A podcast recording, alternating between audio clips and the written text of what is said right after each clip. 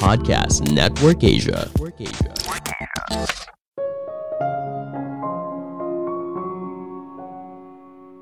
Mungkin keahlian paling penting adalah tahu bagaimana caranya menjadi orang yang disukai oleh banyak orang.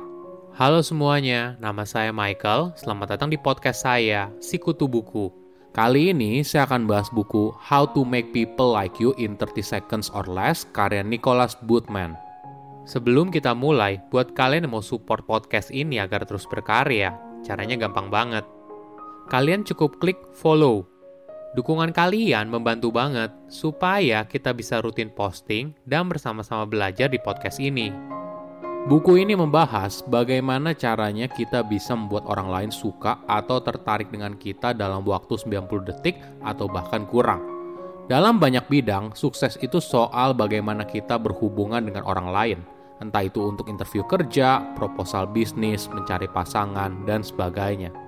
Kamu hanya punya satu kali kesempatan, yaitu saat pertemuan pertama. Waktu yang sangat singkat bisa menjadi penentu segalanya. Saya merangkumnya menjadi tiga hal penting dari buku ini.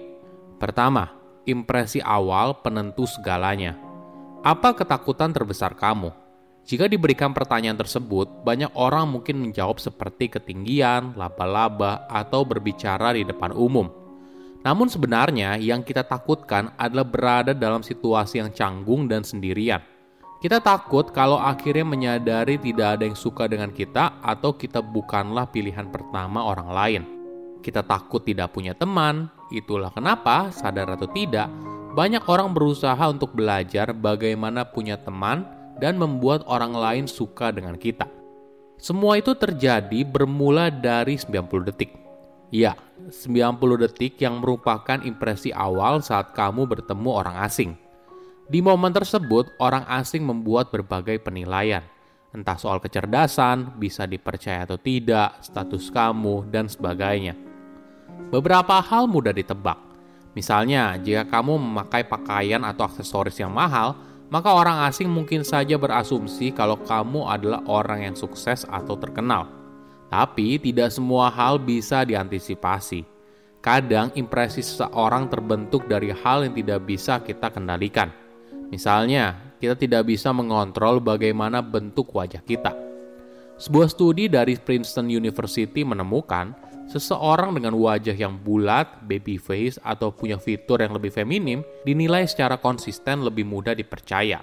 Di sisi lain, ada juga penelitian pada tahun 2017 dari University of Toronto menemukan ketika para responden menonton sebuah video seorang yang sedang membawakan sebuah pidato, mayoritas responden secara konsisten menilai pembicara yang berkulit putih, laki-laki, menarik, dan tidak menggunakan kacamata sebagai seorang yang karismatik atau berkuasa. Tentunya hal ini tidak bisa kita kendalikan. Realitanya seperti ini Masyarakat tidak menilai tanpa bias, apalagi menyangkut hal yang berada di luar kendali, misalnya ras, gender, dan sebagainya.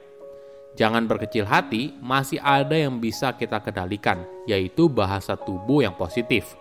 Penulis membagi antara bahasa tubuh terbuka dan tertutup. Misalnya, kamu bertemu seorang yang melipat tangan di depan dada dan memutar mata sebagai tanda jengkel saat kamu memberitahu orang tersebut untuk tidak membuang sampah sembarangan. Dengan bahasa tubuh ini, tentunya kamu sudah bisa menarik kesimpulan kalau orang itu menutup dirinya dan membuat jarak emosional antara kamu dan dia. Sama halnya ketika kamu bertemu teman yang sudah lama tidak kamu temui, orang itu tersenyum, menyapa, lalu mengulurkan tangan duluan untuk berjabat tangan dengan kamu. Nah, bahasa tubuh ini bisa kamu baca sebagai orang yang terbuka dan ramah. Ingat, Bahasa tubuh bisa berbicara banyak tentang apa yang ingin kamu sampaikan daripada kata yang kamu ucapkan. Selanjutnya, tips yang penting adalah jaga kontak mata. Ini merupakan cara untuk membangun rasa percaya. Jangan lupa untuk tersenyum. Senyumlah dengan tulus, jangan terkesan dibuat-buat. Hal ini untuk memberikan kesan kalau kamu adalah orang yang tulus dan terbuka. Barulah kamu mulai memperkenalkan siapa diri kamu. Tidak perlu rumit, Standar perkenalan seperti hai atau halo dengan nada yang sopan juga sudah cukup baik. Beritahu namamu dulu, baru dorong lawan bicara untuk memberitahu siapa namanya. Jika sudah, ulangi nama mereka agar tetap menempel di otakmu.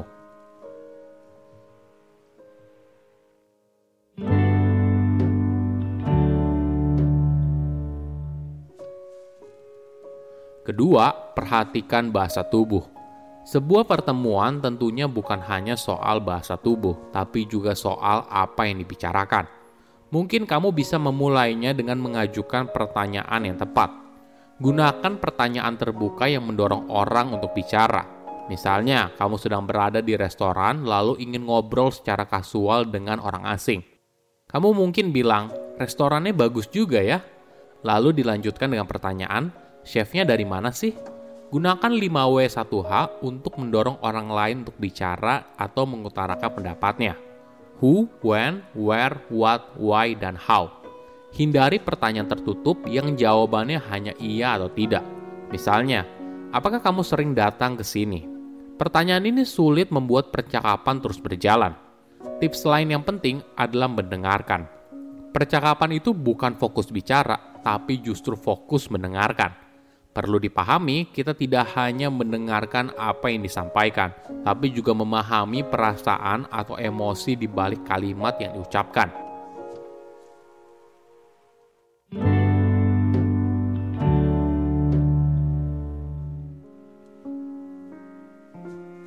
Ketiga, kenali preferensi lawan bicara. Menurut Neuro Linguistic Programming atau dikenal dengan NLP, Seorang persepsikan dunia dengan melakukan filter melalui salah satu dari tiga indera yang berbeda, visual, pendengaran, atau kinestik. Secara alamiah, ketiga indera ini digunakan secara bersamaan, tapi ada satu bagian yang lebih dominan. Jika kita tahu mana yang lebih dominan pada lawan bicara, maka hal ini akan memberikan dampak yang lebih besar. Misalnya, seseorang yang dominan di bagian visual sangat peduli atas bagaimana bentuk sesuatu mereka cenderung berpikir dalam gambar, mungkin berpakaian rapi, dan berbicara dengan cepat.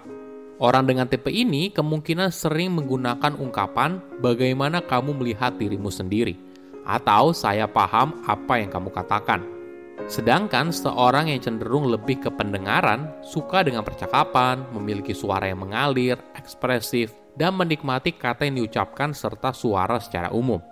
Tidak heran mereka sering kali bekerja di bidang penyiaran, mengajar, dan hukum. Mereka sering bilang, kedengarannya familiar ya? Coba ceritakan lebih banyak. Atau, saya tidak suka dengan nada bicara kamu. Terakhir adalah orang dengan tipe kinestetik. Orang ini menyukai sesuatu yang bisa mereka rasakan. Mereka cenderung punya suara yang lebih kecil, suka pakai yang bertekstur, dan berbicara dengan lambat. Seringkali mereka menggunakan ungkapan apa yang kamu rasakan tentang bla bla bla atau aku akan menghubungi kamu nanti.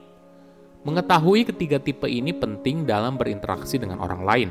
Jadi kita bisa mencocokkan respon dengan apa yang dominan dari orang tersebut. Alhasil kita bisa membuat orang lain lebih menyukai kita. Sebagai contoh, Ketika kamu berhadapan dengan seorang yang dominan visual, maka ketika kamu berbicara secepat lawan bicara atau ketika kamu menggunakan pakaian yang rapi, maka ini akan jadi plus poin buat kamu di mata orang tersebut. Sama halnya ketika kamu bertemu dengan orang yang dominan pada pendengaran. Orang tersebut akan lebih menyukai kamu apabila kamu berbicara dengan jelas dan menggunakan nada suara yang menyenangkan. Sedangkan dengan orang yang dominan kinestetik, maka mereka akan lebih menyukai ketika kamu menyamakan nada bicaranya dengan mereka dan berbicara dengan lebih pelan.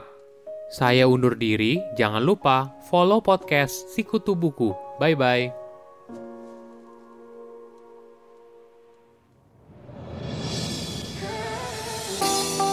Hai, gue Gaby.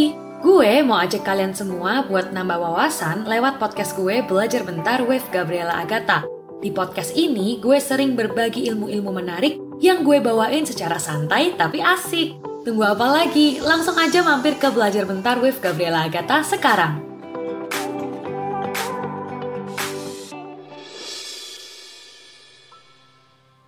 Pandangan dan opini yang disampaikan oleh kreator podcast, host, dan tamu tidak mencerminkan kebijakan resmi dan bagian dari podcast Network Asia. Setiap konten yang disampaikan mereka di dalam podcast adalah opini mereka sendiri dan tidak bermaksud untuk merugikan agama, grup etnik, perkumpulan, organisasi, perusahaan, perorangan, atau siapa pun dan apa pun.